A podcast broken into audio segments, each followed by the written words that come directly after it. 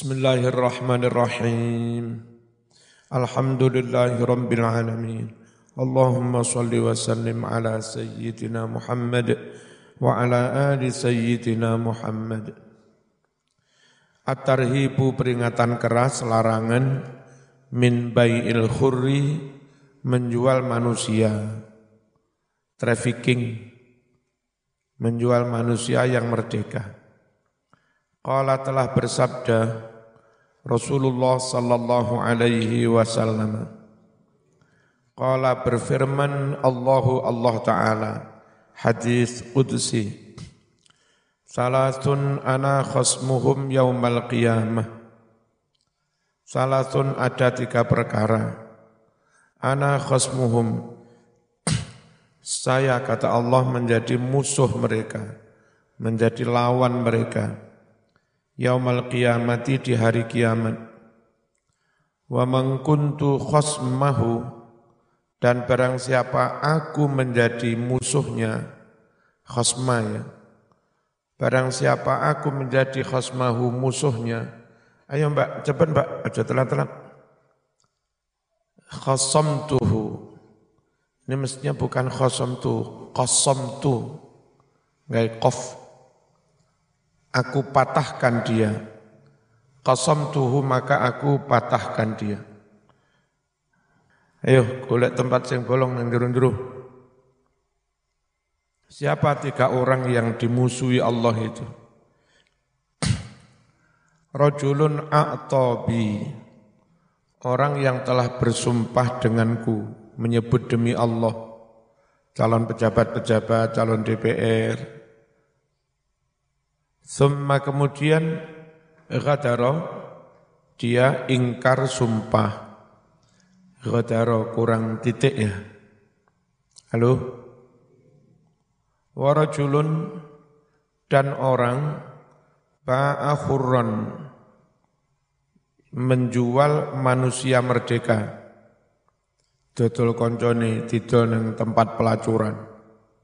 Semua kemudian akala dia memakan sama nahu duitnya. Kok ya tego mentolo ya. Warajulun orang istakjaro ajiron yang mempekerjakan seorang buruh.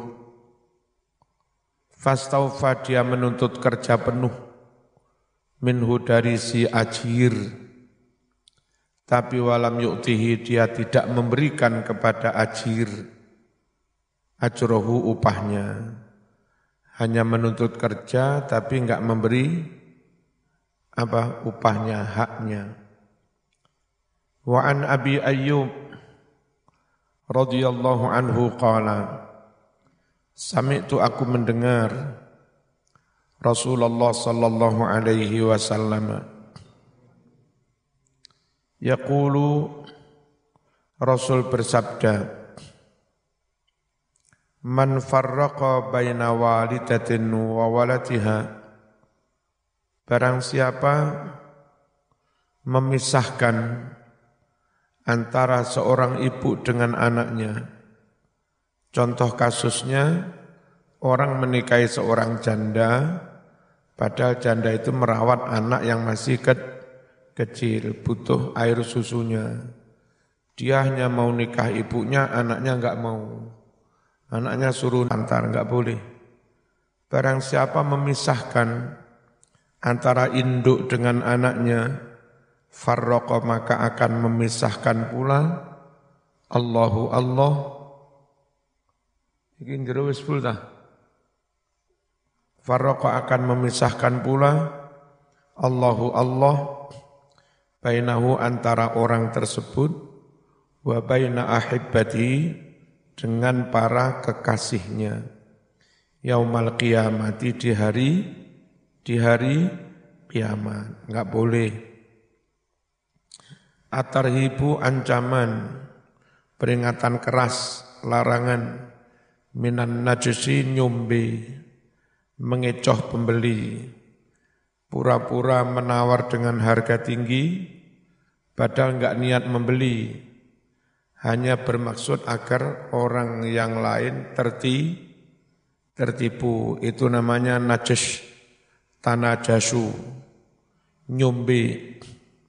Wahwa maknanya najas adalah azyadatu fil mabi' berani menambah harganya barang yang dijual lali rohbatin bukan karena minat bukan karena berminat fihi barang tersebut bal tetapi liyahta'a karena dia ingin menipu ghairahu orang lain. Mengecoh lah. Qala bersabda Rasulullah sallallahu alaihi wasallam La yatalaqqa Janganlah orang nyegat Ar-rukbana bukan rukbani Ar-rukbana rombongan dagang dari pedesaan Ayo mbak, cepat mbak, ojo istiqomah telat loh mbak. Janganlah orang nyegat rombongan perdagangan dari desa. Biar barang-barang itu nyampe ke pasar induk. Kalau zaman belonjo ojo nyegat neng dalan. Belonjo neng pasar induk. Nah dari pasar induk, meliju-meliju etek-etek kulaan neng kono. Ya, kalau orang dari desa dicegati, barang nggak sampai pasar, akhirnya terjadi kelangkaan bah, barang kacau, ya, barang menjadi mahal, ngerti ya? Ojo nyegat neng da, neng dalan, sakno. Libayin untuk jualan, walayabi'u dan jangan menjual, ba'dukum sebagian dari kamu. Ala bai'i ba'din. Atas jual belinya orang lain ngedek nyaingi.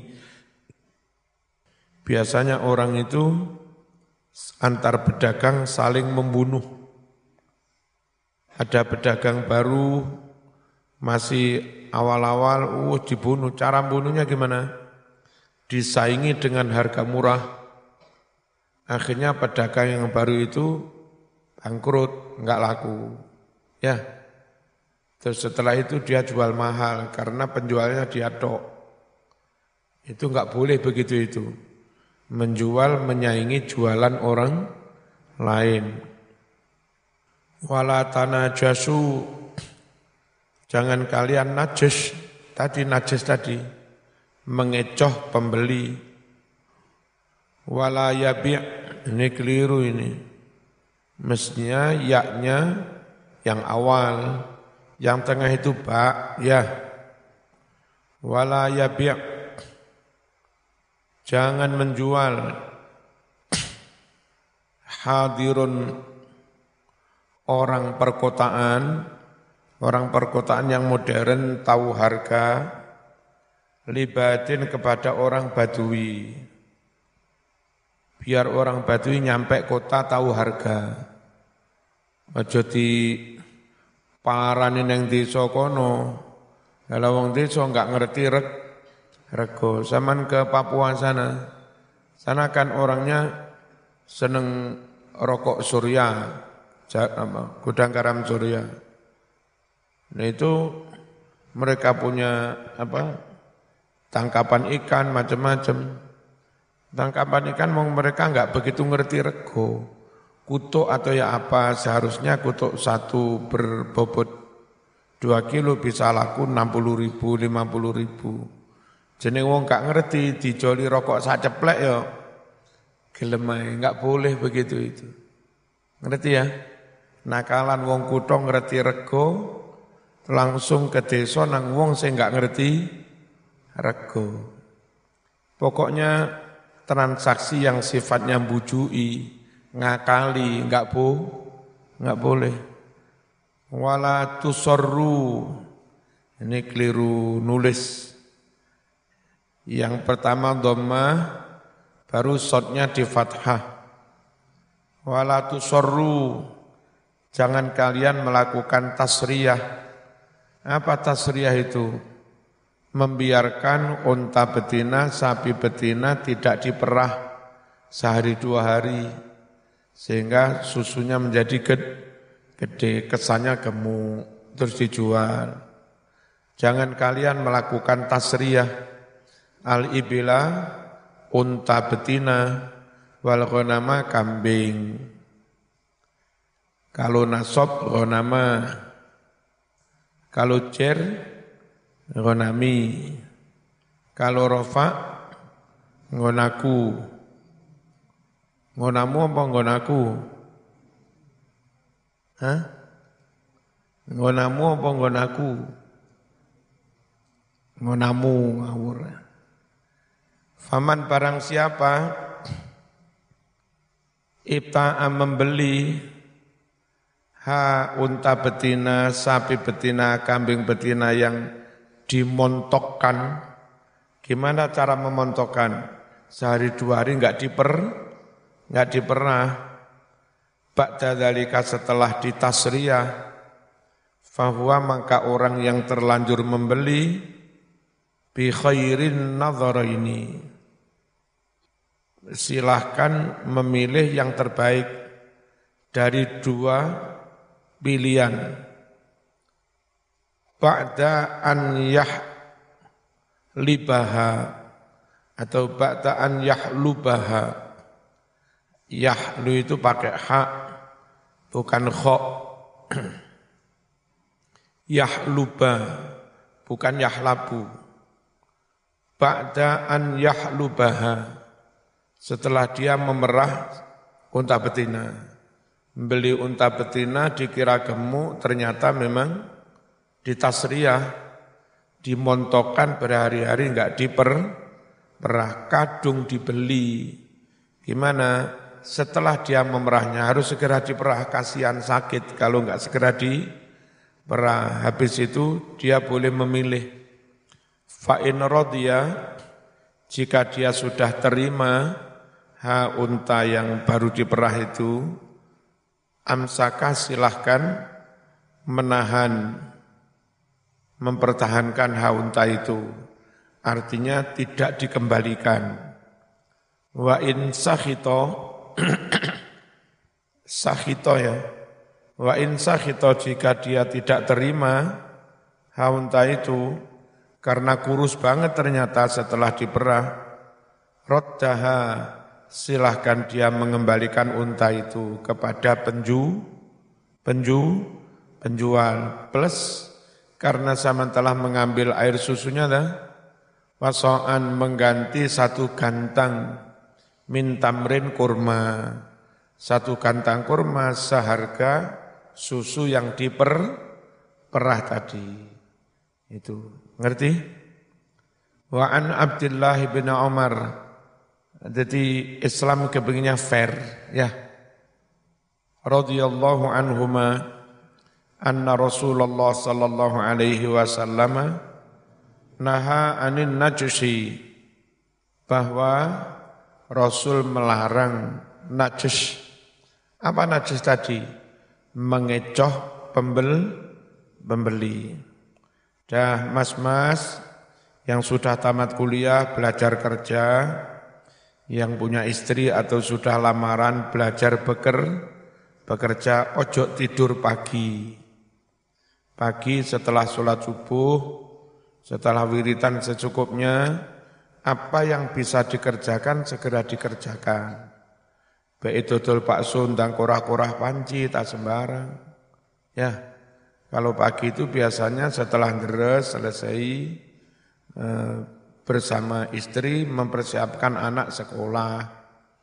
Ono sing umba-umba, ono sing ngelapi montore, segala macamnya, ono sing dulang anak.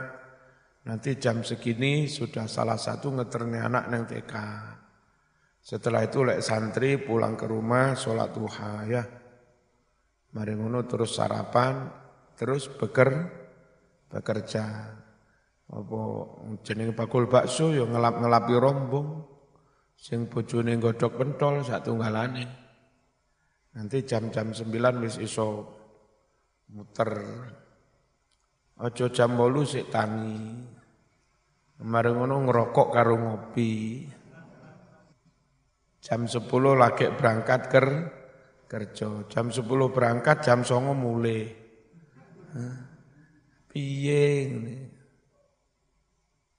Mangkel bojomu, ha? Sawat sotil teman. Wong lanang tura turu. Kecuali zaman wali. Semakin suwe turu, semakin bojomu marem. Apa ya turu ya biasanya kalau orang rezeki gede. At-targhibu anjuran dorongan demenake fil bukur budalan isu-isuan. Ya. Jadi wong Madura ile pagi pa pagi-pagi. Itu. Qala bersabda Rasulullah sallallahu alaihi wasallam Allahumma ya Allah barik berkailah li ummati buat umatku fi bukuriha dalam hal mereka berangkat pagi-pagi, kerja pagi-pagi. Wong Blitar ngarani rikat akas isu ndang ker kerja isu ndang budal jenenge rikat. Wong umat Nabi sing rikat kerja isu kerja didongakne muga-muga baro barokah. Berarti sing turu ora ditungakne ketuanya wali. Wakana dan adalah Rasulullah sallallahu alaihi wasallam Ila ba'asa sariyatan jika Nabi mengirimkan pasukan ba'asahum Nabi kirimkan pasukan itu min awalin nahar sejak pagi, sejak dini hari. Jadi pagi setelah, setelah sholat subuh perpedang di Budal. Sehingga harapannya musuh si tas tangi kene wis teko kalah musuh wong sik kriyip-kriyip. Ya, Nabi itu sukanya kalau ngirimkan pasukan pa pagi-pagi. Wa qala bersabda Rasulullah sallallahu alaihi wasallam naumus subhah tidur subuh tidur pagi yamna'ur rizqa menghalangi datangnya rezeki menghalangi keberkahan rezeki kira-kira lima hari yang lalu saya ngaji di dekatnya Pondok Peloso Kediri Nah karena dekat Pondok Peloso, Gus Rawuh, Gus Peloso, Gus Makmun, Jagongan. Terus cerita eh, punya Peloso, pendiri Peloso itu namanya Mbah Jazuli. Terus punya sepuh ya istrinya Mbah Jazuli itu. Punya sepuh itu anti tidur pagi. Oh, udah, bengi mari wiritan mau apa-apa, isuk ngantuk kayak apa pun, ngempet pokok jangan jangan tidur pagi. Kalaupun tidur nanti kalau lelah menjelang zuhur itu jam-jam sebelas, setengah sebelas baru sehari. Dan karena itu amaliyahnya mempunyai sepuh, akhirnya mau nggak mau kayak Gus Fahim, Gus Kausar, terus Gus Makmun, Gus Faruk, Gusmat ya harus niru, enggak boleh tidur pagi.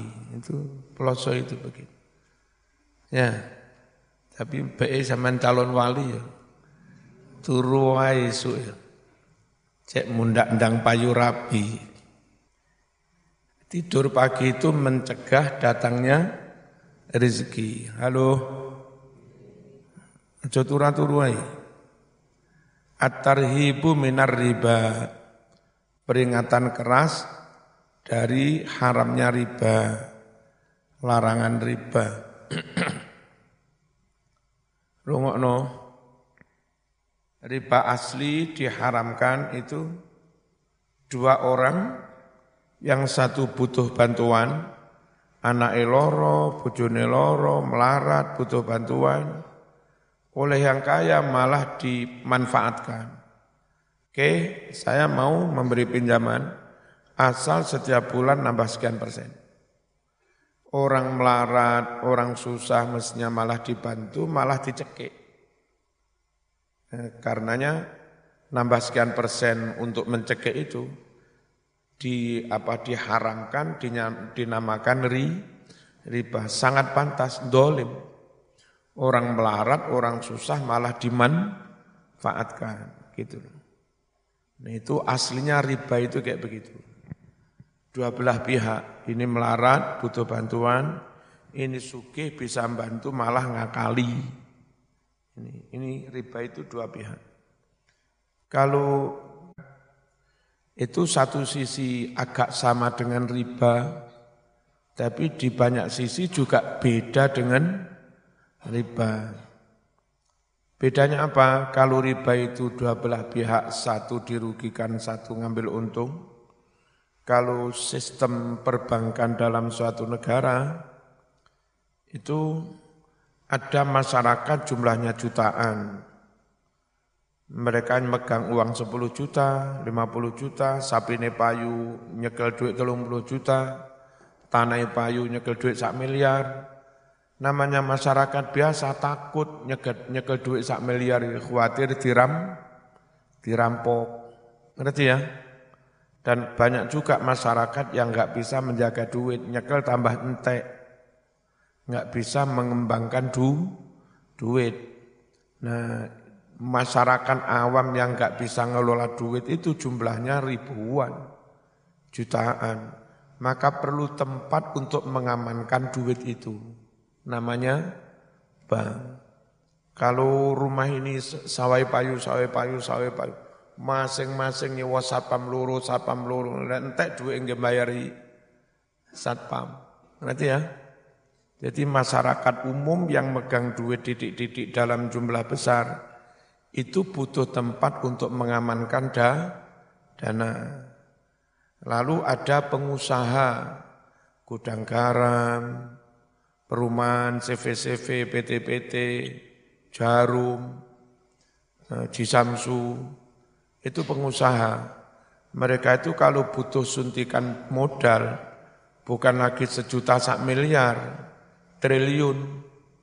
Gudang garam sekali butuh suntikan dana bisa dua triliun, tiga triliun. Nah, dari mana dia pinjam tiga triliun itu? Mosok pinjam dari rumah ke rumah, satu per satu mas, nyileh lima juta cateti, mas nyileh sepuluh juta cateti, oleh telung triliun ya remek mas. Nah, si pengusaha pun juga butuh yang namanya bank. Butuh, butuh suntikan 2 miliar, 3 miliar, 3 triliun. Enggak perlu tretean ke ke rumah-rumah, cukup datang ke bank. Dari sini lembaga keuangan yang namanya bank diperlukan oleh masyarakat umum khawatir dirampok tadi, juga diperlukan oleh pengusaha lek golek silan duit cak enak dalam jumlah bes, besar. Ngerti ya? Jadi awal mula ada ide, ide ada bank itu kayak kayak begitu itu. Lalu harus ada peran atau keterlibatan government negara untuk melindungi, melindungi nasabah, juga melindungi apa para pengu, pengusaha segala macamnya, menjamin kepastian hukum dan segala macamnya. Engkau pinjam ngemplang. Nah, negara harus hadir dengan aturan hukum, regulasi dan aparatnya. Ya, untuk menjamin apa stabilitas hukum, kepastian hukum dan seterusnya. Nah, jalanlah. Ada negara sebagai pengawas, sebagai pelindung, penjamin, ada masyarakat umum yang butuh tempat aman menitipkan uang, ada pengusaha yang butuh dana besar karek minjam, jalan. Lalu kalau tadi riba itu ini ditegak, ini ngambil untung, satu untung, satu rugi, itu ri, riba. Kalau perbankan dalam satu negara bukan satu untung satu rugi. Pengusaha CV, PT atau apa pinjam dana ke bank, itu dia akan berusaha. Rokok segala macamnya, toko. Itu satu tahun kalau dalam situasi normal, biasanya laba sekitar 25 persen. Orang berusaha itu. Untungnya biasanya sekitar 25 persen. Cuma 25 persen itu dia nggak bisa apa menikmati sendiri. Dia harus mengembalikan ke bank, ya kan? E, dengan memberi apa e, keuntungan apa-apalah namanya, itu sekitar 13 sampai 15 persen. Kalau 13 berarti pengusaha tinggal dapat 12 persen. Banknya dapat 13. Tapi bank juga memberikan kepada negara sebagai pelindung penjamin sekitar 2 persen. Berarti tinggal kalau eh, bank tadi dapat 13 misalnya tinggal 11. Lalu masyarakat yang naruh-naruh tadi oleh bank beri sekitar 5 persen, kadang 4 persen. Berarti bank itu dapat sekitar 6 persen, apa, 7 per 7 persen. Nah, antara empat pihak ada negara, ada nasabah, ada bank, ada pengu, pengusaha. Dari keuntungan sekitar 25 persen tadi, ini dapat 12, yang masyarakat dapat sekitar 4 atau 5, terus banknya dapat sekitar 6, negara dapat sekitar 2 sebagai penjamin. Agak beda dengan riba, kalau riba itu ini dapat, ini ditegak. Kalau ini ada bagi-bagi, ada bagi-bagi prosentase. Paham ya? Nah, dari sini maka teori perbankan dalam sistem negara itu enggak sama persis dengan ri, riba. Hanya agak samanya itu karena ke bank 10 juta jadi 11, itu loh. Dari situ jadinya mirip-mirip, mirip-mirip riba. Tapi karena ini juga harus membagi ke mana-mana, ya kan? Dari situ ya agak beda dengan riba. Makanya kalau NU memutuskan itu subhat. NU mengharamkan haram mutlak tidak, karena nyatanya enggak persis sama dengan riba. Menghalalkan murni juga tidak, karena nyatanya yorodok koyo riba. Jadinya, jadinya subhat. Paham? Terus kalau riba itu Mas nilai 10 juta, yo tapi sakulan balik nih rolas lo yo. Nah itu riba. Sementara kalau kalau di perbankan itu sudah otomatis masuk dalam sistem. Ada akad apa enggak, pokok sama datang ke sana mengisi form, terus tanda tangan mata, meterai kepada bank sama janjikan persen apa tidak, terus otomatis itu jadi aturan dalam suatu ne, negara, bank sentral kepada bank apa, bank di bawahnya, bank sekunder, itu dari BI, bank sentral itu BI, ada, ada bank dunia, dipinjami oleh negara-negara, bank dunia paling ngambilnya sekitar 2 persen. Diterima oleh bank sentral di masing-masing negara. Namanya BI kali Indonesia. Sana the Fed. Bank sentral ini nanti bagi ke bank-bank bawahnya BNI, BRI, BTN, Bank Mandiri, ya eh, apa ini eh, BNI apa Bank Bank Indonesia, Bank Sentral Indonesia itu jadinya sekitar 3 sampai 4 persen. Lalu BI, eh, kok BI, BNI yang dari BI ngambil sekitar 4 persen, ketika dia ke nasabah-nasabah besar, mana-mana uh, itu tadi dapat sekitar 12, kadang 13, dan begitu. Begitu itu. Ada bagi-bagi begitu. Terus pengusaha-pengusaha itu nggak bisa ke BI. Yang bisa ke BI itu ya Bank Mandiri, BNI, BRI, BTN, itu bisa ke BI. Terus eh, kayak BNI yang danana triliunan, itu ngelayani pengusaha-pengusaha besar. Orang minjam sekian miliar, minjam sekian miliar. Begitu. Sing golongane dodol kerupuk, gorengan, dodol pentol, bakso, yang butuh pinjamannya pitung atau seket, sak juta, sak juta rong atau seket, itu yang enggak ke enggak ke BNI, masuk ke BNI petita petiti nyilih duit tolong atau seket ibu, aneh. Ya, itu biasanya ke Nyun Sewu, ke BPR, Bank Pengkreditan Rak, Rakyat di bawahnya lagi. Biasanya dengan prosentase agak agak-agak tinggi karena dia ngambilnya dari BN, BNI, BRI, tapi langsung menyalurkan ke masyarakat kecil. Itu sistem itu seperti itu. Dari Bank Dunia sekian, BI sekian, BI ke BNI sekian, BNI ke BPR, sekian dan yang lain-lain. Nah, terus bagaimana subhat itu? Eh, ada beberapa pihak yang berusaha menawarkan sistem bank syariah.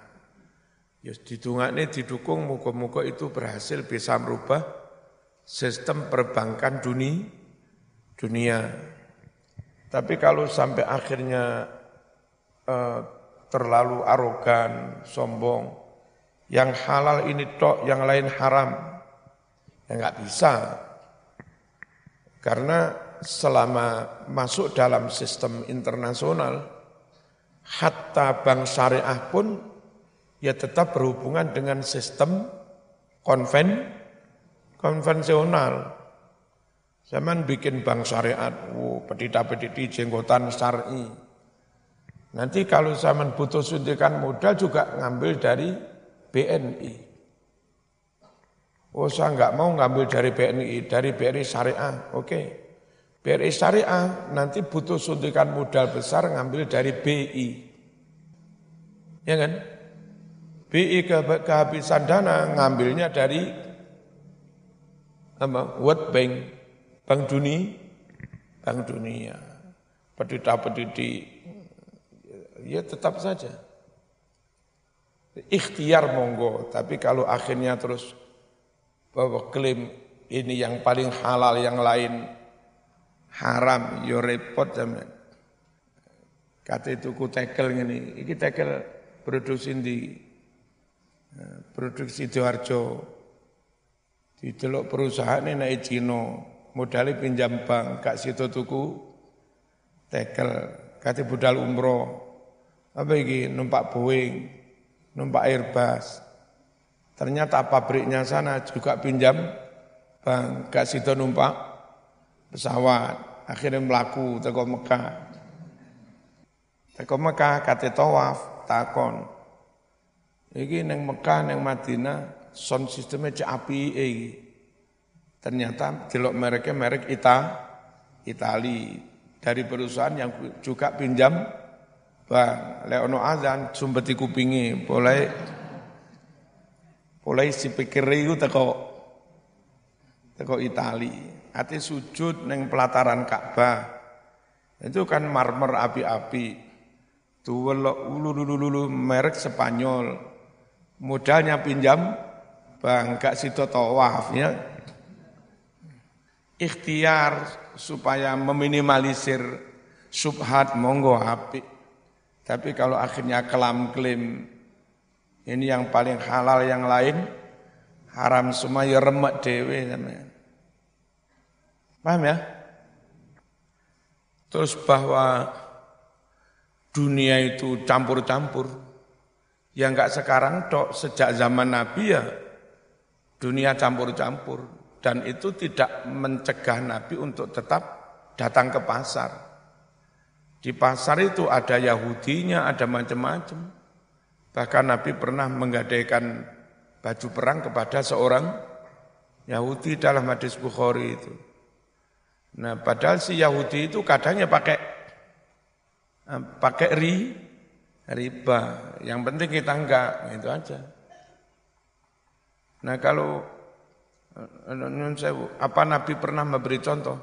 Nabi kok mboten si teng pasar ono Yahudi ini, ono masa yang ngono Nabi. Halo? At-tarhibu minar riba. Peringatan keras dari bahaya riba. Qala Allah Ta'ala Alladzina ya'kuluna riba la yaqumun illa kama yaqumul ladzi yatakhabbathu syaitanu minal mas dzalika bi annahum qalu innamal bay'u mithlur riba wa ahallallahu al-bay'a wa harramar riba. Ini kalau orang yang rotok Yahudi-Yahudi, bacanya wakaf enggak begitu. Mereka begini, bi annahum qalu innamal bai'u mithlur riba wa ahallallahu al-bai' mandek nang kono. Jual beli itu kan ya kayak riba, Cuma kalau jual beli barang dijual dengan duit, kalau riba duit dengan duit. Jadi innamal bai'u mislur riba wa ahallallahu al-bai'. Jual beli itu kayak riba, riba itu kayak jual beli. Dan Allah halam halalkan jual beli. Berarti